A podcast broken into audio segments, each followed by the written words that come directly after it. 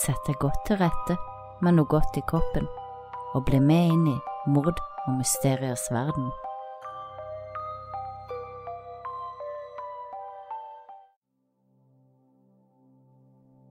Alle seriemordere er onde, men noen av dem er så ekstremt onde at bare tanken på at slike mennesker eksisterer, får det til å gå kaldt gjennom hele kroppen, og når to slike mennesker møtes, kan de verste ting skje.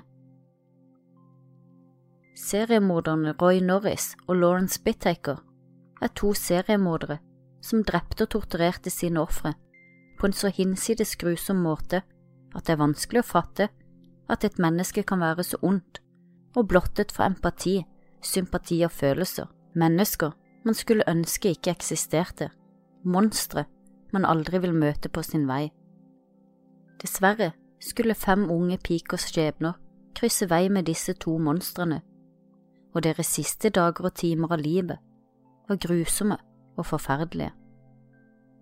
Lawrence Sigmund Bittaker ble født i Pittsburgh, Pennsylvania 27. september 1940. Allerede ved unnfangelsen var Lawrence et uønsket barn.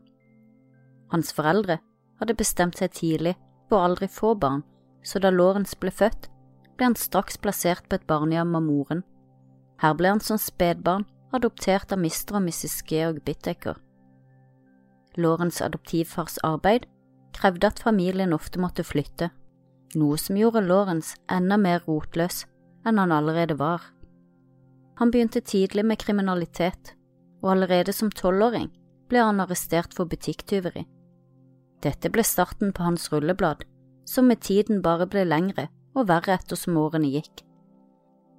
Lawrence droppet tidlig ut av skolen, det sies at han hadde en IQ på 138, men allerede som 17-åring var han skolelei og altfor rastløs til å sitte på skolebenken.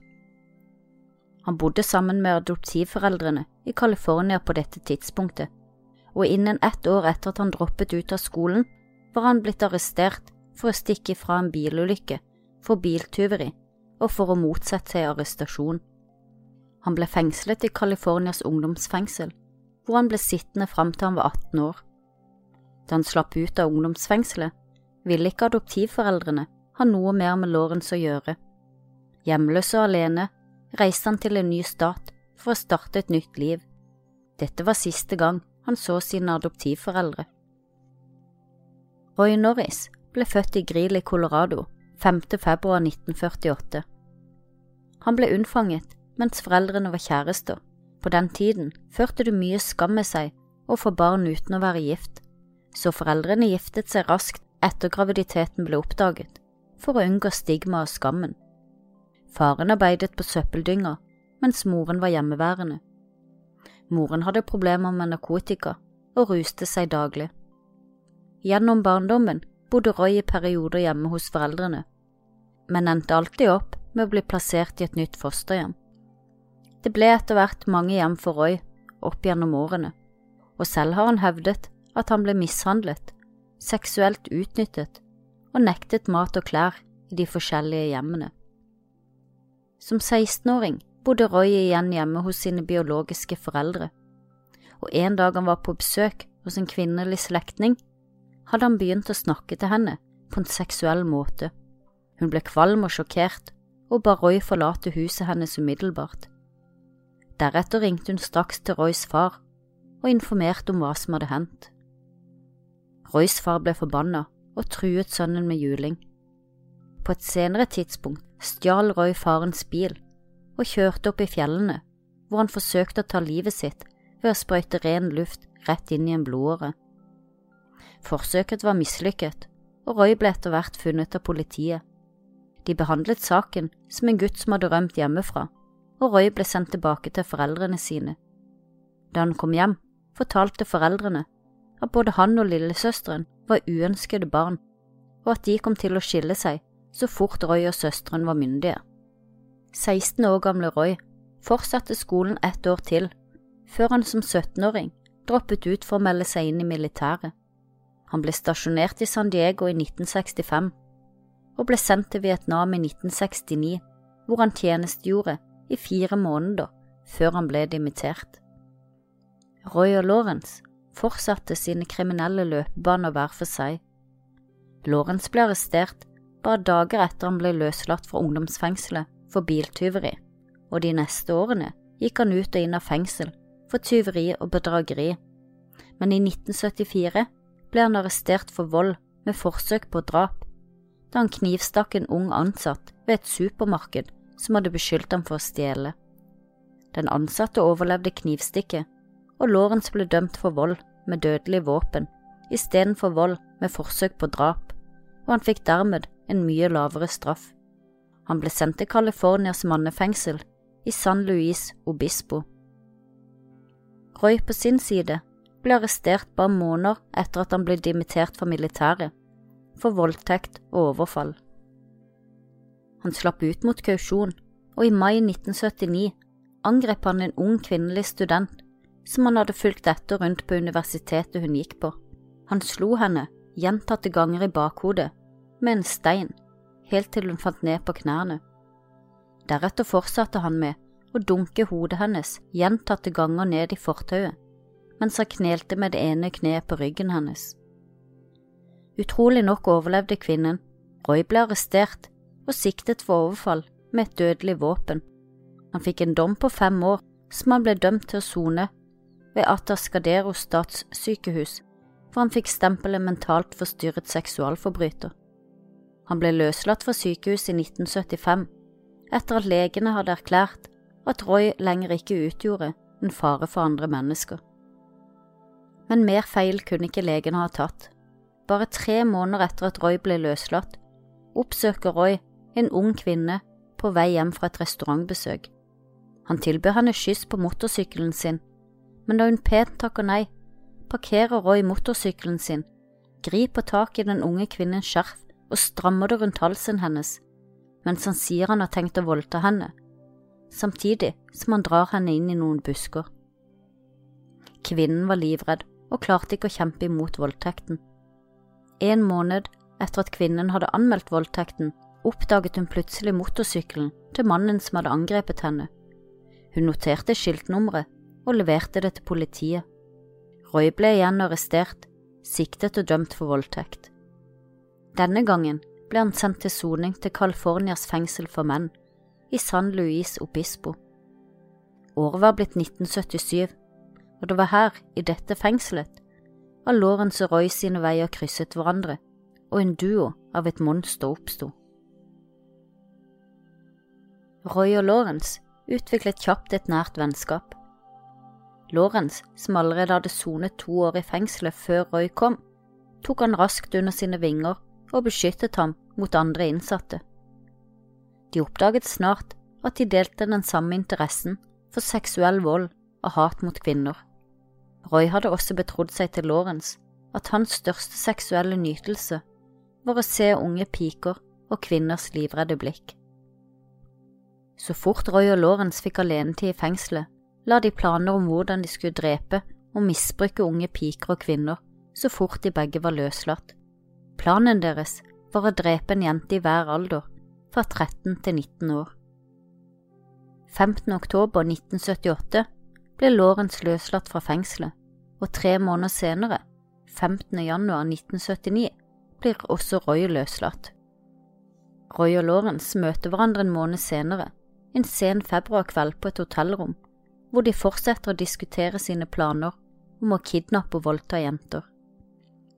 Lawrence bestemmer at de trenger en bil for å enklere kunne kidnappe jentene, og valget falt på en sølvgrå cargo van med skyvedører uten vindu.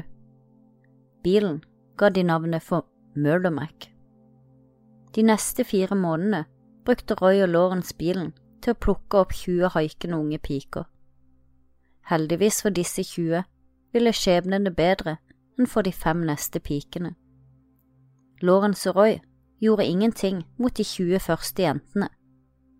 Uvitende for jentene ble de brukt som prøvekaniner og trening for Roy og Lawrence, slik at de var helt forberedt når de skulle plukke opp sitt første offer. De brukte jentene til å øve seg på forskjellige knep for å få de haikende jentene til å føle seg trygge nok til å sette seg inn i bilen deres.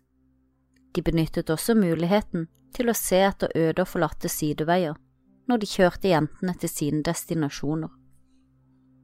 I april oppdaget de en forlatt brannvei et stykke opp i San Gabriel-fjellene. Veien var sperret med en låst bom. Roy og Lawrence slo av låsen og erstattet den med sin egen, slik at det kun var de som hadde tilgang til å åpne bommen. I starten av juni bygde Roy og Lawrence en seng som de plasserte bakerst i verden. Under sengen hadde de en verktøykasse, klær og et lite kjøleskap fylt opp med øl og brus. Det var 24. juni 1979, en varm og rolig sommerkveld, og Lucinda Lynn Schæfer var på vei hjem fra et kirkemøte. Klokken var rundt åtte på kvelden. Hun hadde gått denne veien mange ganger tidligere, og mens hun intetanende spaserer hjemover, legger to menn som sitter på stranden og drikker øl og røyker marihuana, merke til henne. Lauren så henne først. Han dulter bort til Roy og sier, se der, der er en søt liten blondine. De setter seg inn i vanen og kjører opp ved siden av Lucinda. De tilbød henne haik og marihuana, men Lucinda er ikke interessert i noen av delene og takker høflig nei. De kjører videre, og Lucinda fortsetter turen hjemover. Antageligvis legger hun ikke merke til at vennen, som står parkert langs fortauet lenger framme, er den samme som nettopp har tilbudt henne kyss. Roy og Lawrence hadde parkert vennen, og Roy gikk rundt på passasjersiden og åpnet sidedøren. Der lente han overkroppen inn, som om han holdt på å hente noe ut fra den.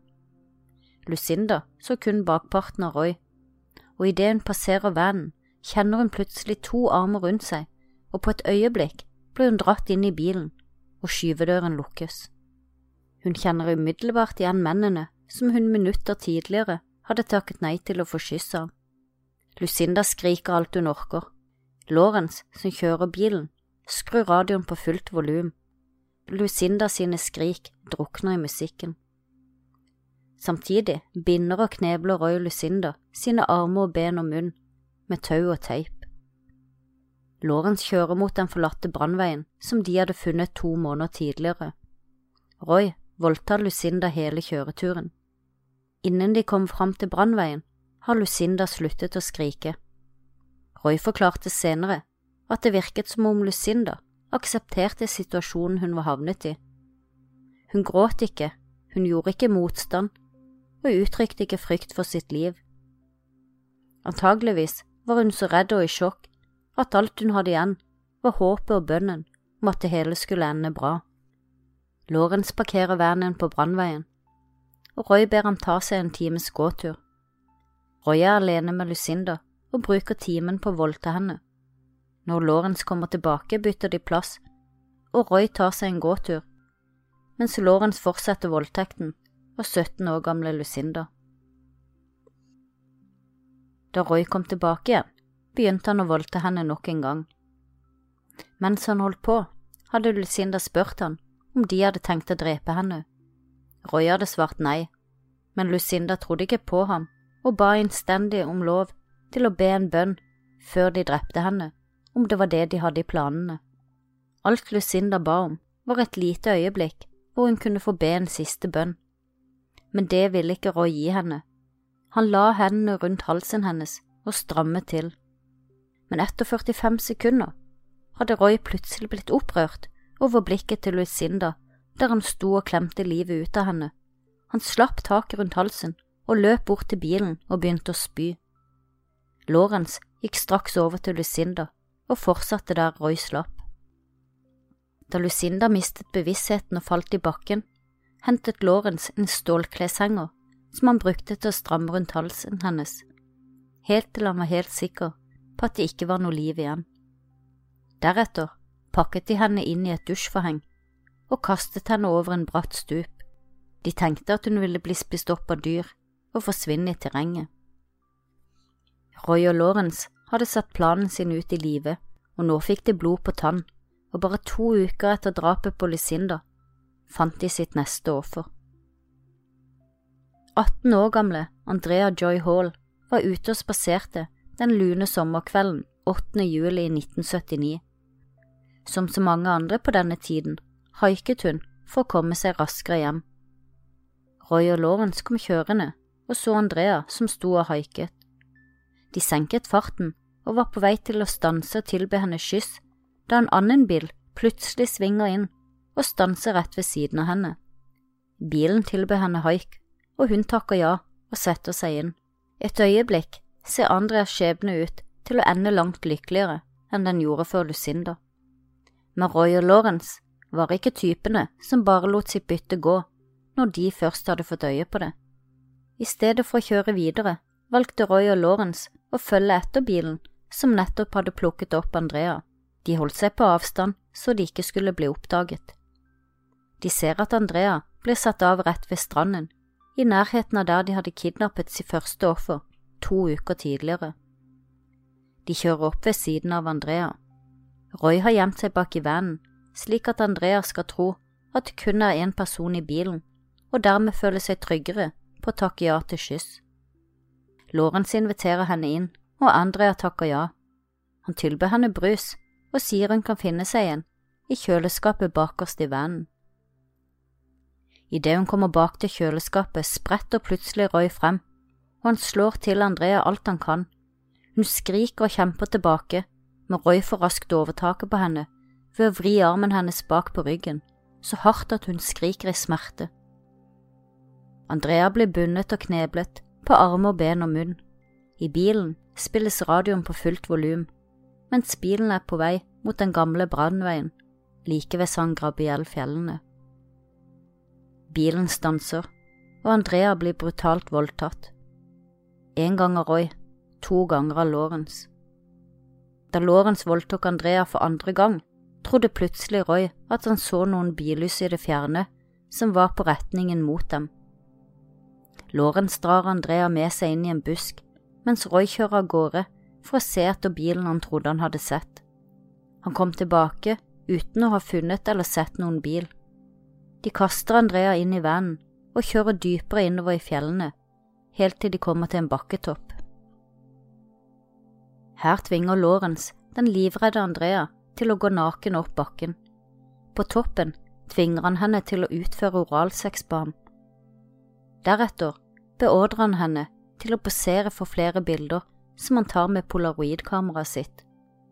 Deretter blir hun gjenført inn i vanen til Roy og Lawrence, og de kjører henne til hennes tredje og siste destinasjon. Nok en gang beordrer Lawrence Andrea opp en bakketopp. Her tar han to bilder til av henne. Blikket hennes er beskrevet som fylt av frykt, terror og dødsangst. Lawrence nøyt synet av den livredde Andrea.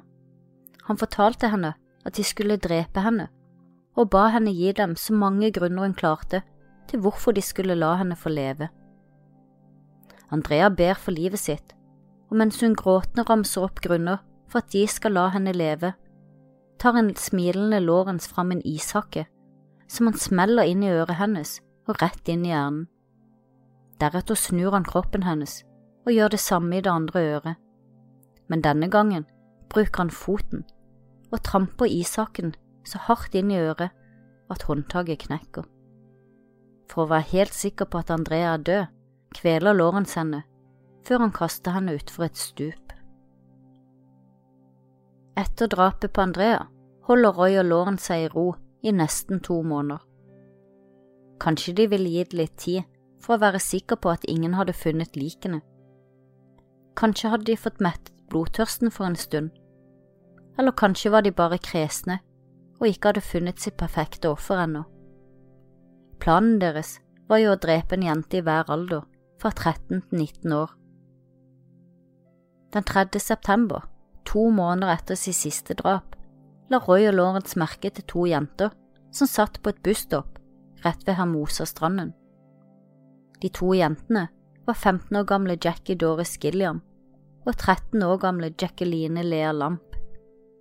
De hadde haiket seg fremover langs kystveien og frem til busstoppet de nå satt på. Roy og Lawrence kjørte opp til dem og tilbød jentene haik videre, og jentene takket ja. Inne i vanen ble de tilbudt marihuana, og de takket ja.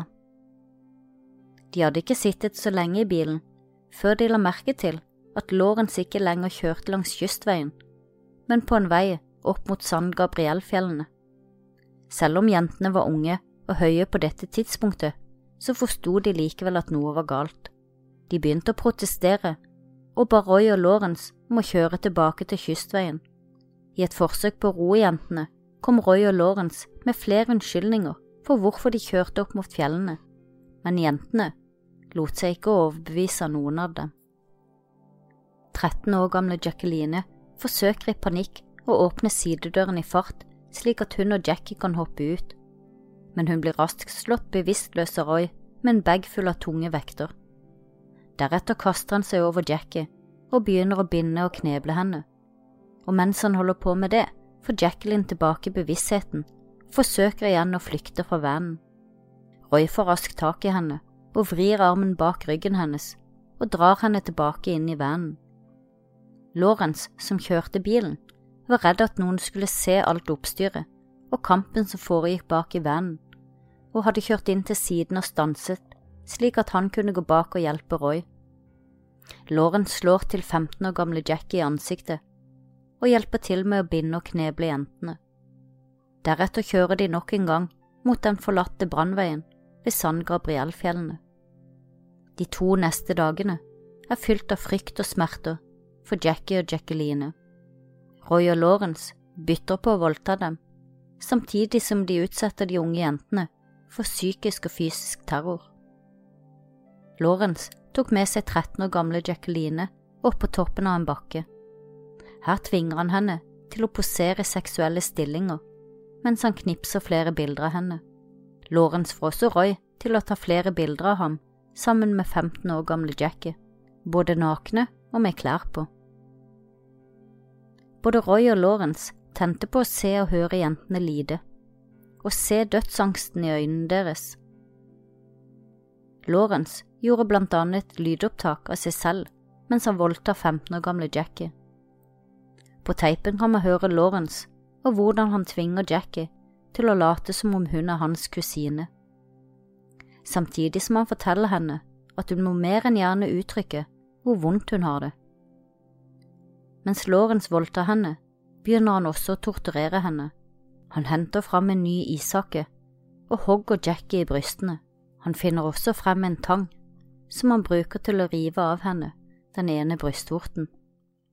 Etter to dager med nesten konstant voldtekt og tortur ble Jackie og Jacqueline drept.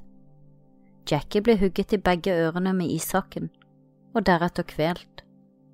Det var Lauren som drepte henne, mens 13 år gamle Jacqueline satt i bilen og så hjelpeløst og skrekkslagen på at bestevenninnen ble drept på betalt vis, vel vitende om at hun var nestemann. Lawrence dro Jacqueline ut av vanen, samtidig som han skrek til henne. Du sa du ville forbli jomfru, nå kan du få dø som ei jomfru. Deretter slo han henne i hodet med en hammer, før han kvelte henne til han trodde hun var død. Plutselig åpner hun øynene igjen, og Roy tar hammeren og slår henne gjentatte ganger, mens Lawrence fortsetter å kvele henne, helt til de var sikre på at hun var død. Jentenes kropper ble kastet inn i et stort gjengrodd område med masse planter og busker. 31. oktober 1979, på selveste halloween, kidnappet Roy og Lawrence det som skulle bli deres siste offer. 16 år gamle Shirley Lynette Ledford hadde vært på halloweenfest i en liten by utenfor Los Angeles og sto nå utenfor en bensinstasjon og haiket da Roy og Lawrence kom kjørende. De stanset og tilbød henne kyss, noe Shirley takket ja til. Det mistenkes at hun takket ja fordi hun gjenkjente Lawrence da han pleide å gå en del på restauranten, hvor Shirley hadde deltidsjobb som servitør. Så fort hun satte seg inn i vanen, ble hun tilbudt marihuana av Roy, men hun avslo tilbudet. Og mens Lawrence skrur radioen opp på fullt volum og kjører mot den øde sidegate, blir Shirley truet med kniv og bundet og kneblet av Roy. Lawrence stanser bilen i en sidegate, og han og Roy bytter plass. Mens Roy kjører, sitter nå Lawrence bak med den vettskremte Shirley. Lawrence fjerner teipen fra munnen hennes og binder løs bena. Så begynner han å slå henne med flat hånd, samtidig som han håner henne. Deretter begynner han å slå henne med knyttneven, mens han skriker gjentatte ganger at hun må si noe. Shirley begynner å skrike, og Lawrence ber henne skrike enda høyere, mens han ler rått og hånlig. Han fortsetter å slå henne, mens han samtidig spør hva er i veien, liker du ikke å skrike? Før Lawrence byttet plass med Roy, hadde han satt på båndopptakeren, som nå spilte inn Shirleys siste timer og alt det grusomme som skjedde med henne. Shirley kan høres gråtende på opptaket, hvor hun trygler Lawrence om å ikke røre henne. Men Lawrence svarer med å beordre henne til å skrike så høyt hun klarer, før han begynner å slå henne med en hammer. Deretter bruker han knyttneven og slår henne i brystene. Han bruker også en tang til å torturere henne med mens han voldtar henne foran og bak gjentatte ganger. Flere ganger kan man høre Shirley trygle Lawrence om å stoppe, og flere ganger hører man Shirley rope nei, å nei, samtidig som man hører at Lawrence henter ut tanga eller hammeren fra verktøykassen. Når Lawrence er ferdig, bytter han igjen plass med Roy. Båndopptakeren går fremdeles.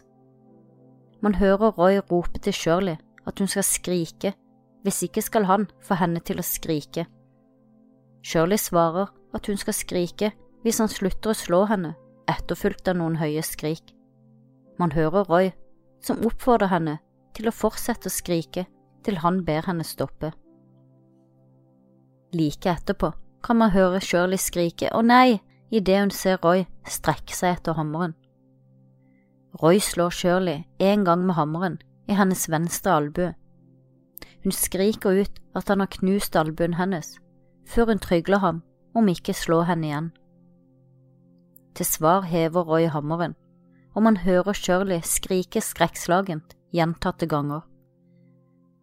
Roy slår Shirley 25 ganger med hammeren i den samme albuen, før han spør den gråtende og skrikende Shirley hva hun snufser for. På dette tidspunktet kan man også høre Shirley be om å bli drept. Etter to timer i helvete og fangenskap dreper Roy Shirley med en stålkleshenger. Han bruker tangen til å stramme den rundt halsen hennes. Shirley dør med øynene åpne. Etter drapet på Shirley ble Roy og Lawrence enige om å dumpe liket på en tilfeldig plen, der de ønsket å se hvordan media reagerte. De kjørte opp til et tilfeldig hus og dumpet liket av Shirley i et blomsterbed. Shirleys døde kropp ble funnet neste morgen av en jogger. Obduksjonsrapporten kunne fortelle at i tillegg til seksuelt misbruk, hvor både anus og vagina var revnet på grunn av voldtekt med tang og hammer, så døde hun av kvelning etter å ha blitt utsatt for ekstrem grov vold mot hodet, ansikt, bryster og den venstre albuen. Hun hadde også et dypt kutt på høyrehånda. Roy og Lawrence følte seg muligens uovervinnelig på dette tidspunktet. Roy tok kort tid etter drapet på Shirley opp igjen kontakten med en tidligere cellekamerat fra fengselet i California, Joseph Jackson. Roy betrodde seg til Joseph om hva han og Lawrence hadde bedrevet, og om de fem pikene de hadde voldtatt, torturert og drept. Men selv om Josef hadde sittet i fengsel, betydde ikke det at han automatisk godtok eller aksepterte alle typer kriminalitet. Josef tok kontakt med advokaten sin og fortalte hva han hadde blitt fortalt. Advokaten rådet ham til å straks kontakte politiet. 20. november 1979, tre uker etter drapet på Shirley og fem måneder etter drapet på sitt første offer, ble Roy og Lawrence arrestert. Etter først å ha benektet å ha noe med drapene å gjøre, innrømmet Roy etter hvert å ha vært med, ettersom bevisene politiet hadde gjorde at han ikke kunne slippe unna. Roy la det meste av skylden på Lawrence, og han fortalte at Lawrence ble mer og mer brutal for hver pike de hadde plukket opp, og at han torturerte dem for glede og nytelse. Blant polaroidbildene politiet fant hos Roy og Lawrence, var det et bilde av en uidentifisert ung kvinne, avbildet alene sammen med Roy og Lawrence. Omstendighetene på bildet var veldig lik bildene tatt av de fem drepte jentene. Politiet mistenker at også hun har blitt torturert og drept. De har ikke klart å spore henne opp eller finne identiteten hennes. Roy og Lawrence har aldri nevnt denne piken i sine avhør. Roy Norris sa i mars 1980 seg skyldig i drap og voldtekt. Roy gikk med på å vitne mot Lawrence for å selv slippe unna dødsstraff. 7. mai 1980 ble Roy dømt til 45 år til livstid i fengsel, med mulighet for å søke om prøveløslatelse første gang i 2010. I april 1980 ble Lawrence siktet for 29 tilfeller av kidnapping, voldtekt, sodomi, tortur og drap. Rettssaken startet i januar 1981, og Lawrence hevdet han var uskyldig. Under rettssaken ble lydbånd av Shirleys siste timer et av de viktigste bevisene. Moren til Shirley hadde hørt på lydbåndet og kunne bekrefte at det var hennes datter som man kunne høre i bakgrunnen. Jeg kan ikke forestille meg hvor grusomt det må ha vært for moren å høre sin datters siste grufulle øyeblikk av livet. De siste ukene, før Lawrence ble arrestert, så hadde han kjørt rundt i bilen og hørt på opptaket, om igjen og om igjen, for egen nytelse. Da opptaket ble spilt av i retten, var det mange av tilhørerne og flere jurymedlemmer som gråt åpentlyst. Mange forlot også rettssalen under opptakene da de ikke maktet å høre den stakkars piken trygle for sitt liv. Selv satt Lawrence med et selvgodt smil rundt munnen og tegnet kruseduller på et ark mens lydbåndet ble avspilt. 17. februar 1981 fant juryen Lawrence skyldig på alle punkter, og han ble dømt til døden. I fengselet var Lawrence frekk nok til å klage på maten. Han klagde på knekte kjeks og fuktige sandwich. Han kalte det en usedvanlig ond og uvanlig straff. Lawrence uttrykte aldri noe anger over det han hadde gjort mot pikene.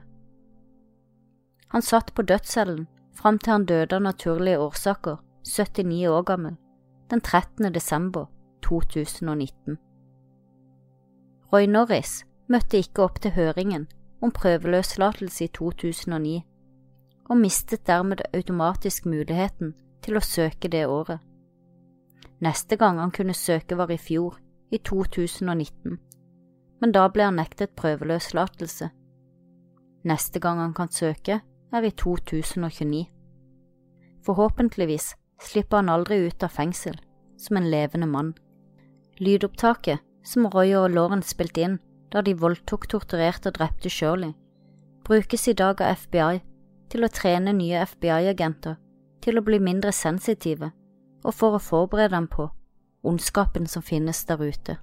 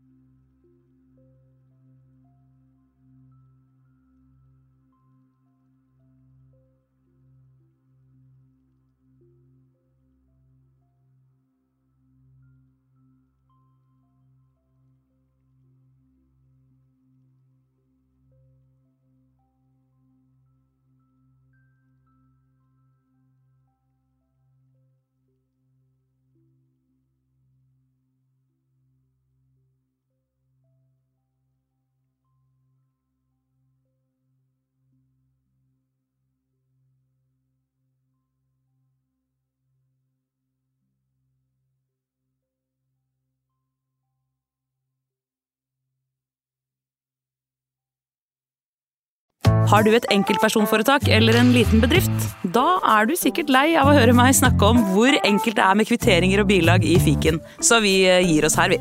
Fordi vi liker enkelt. Fiken superenkelt regnskap.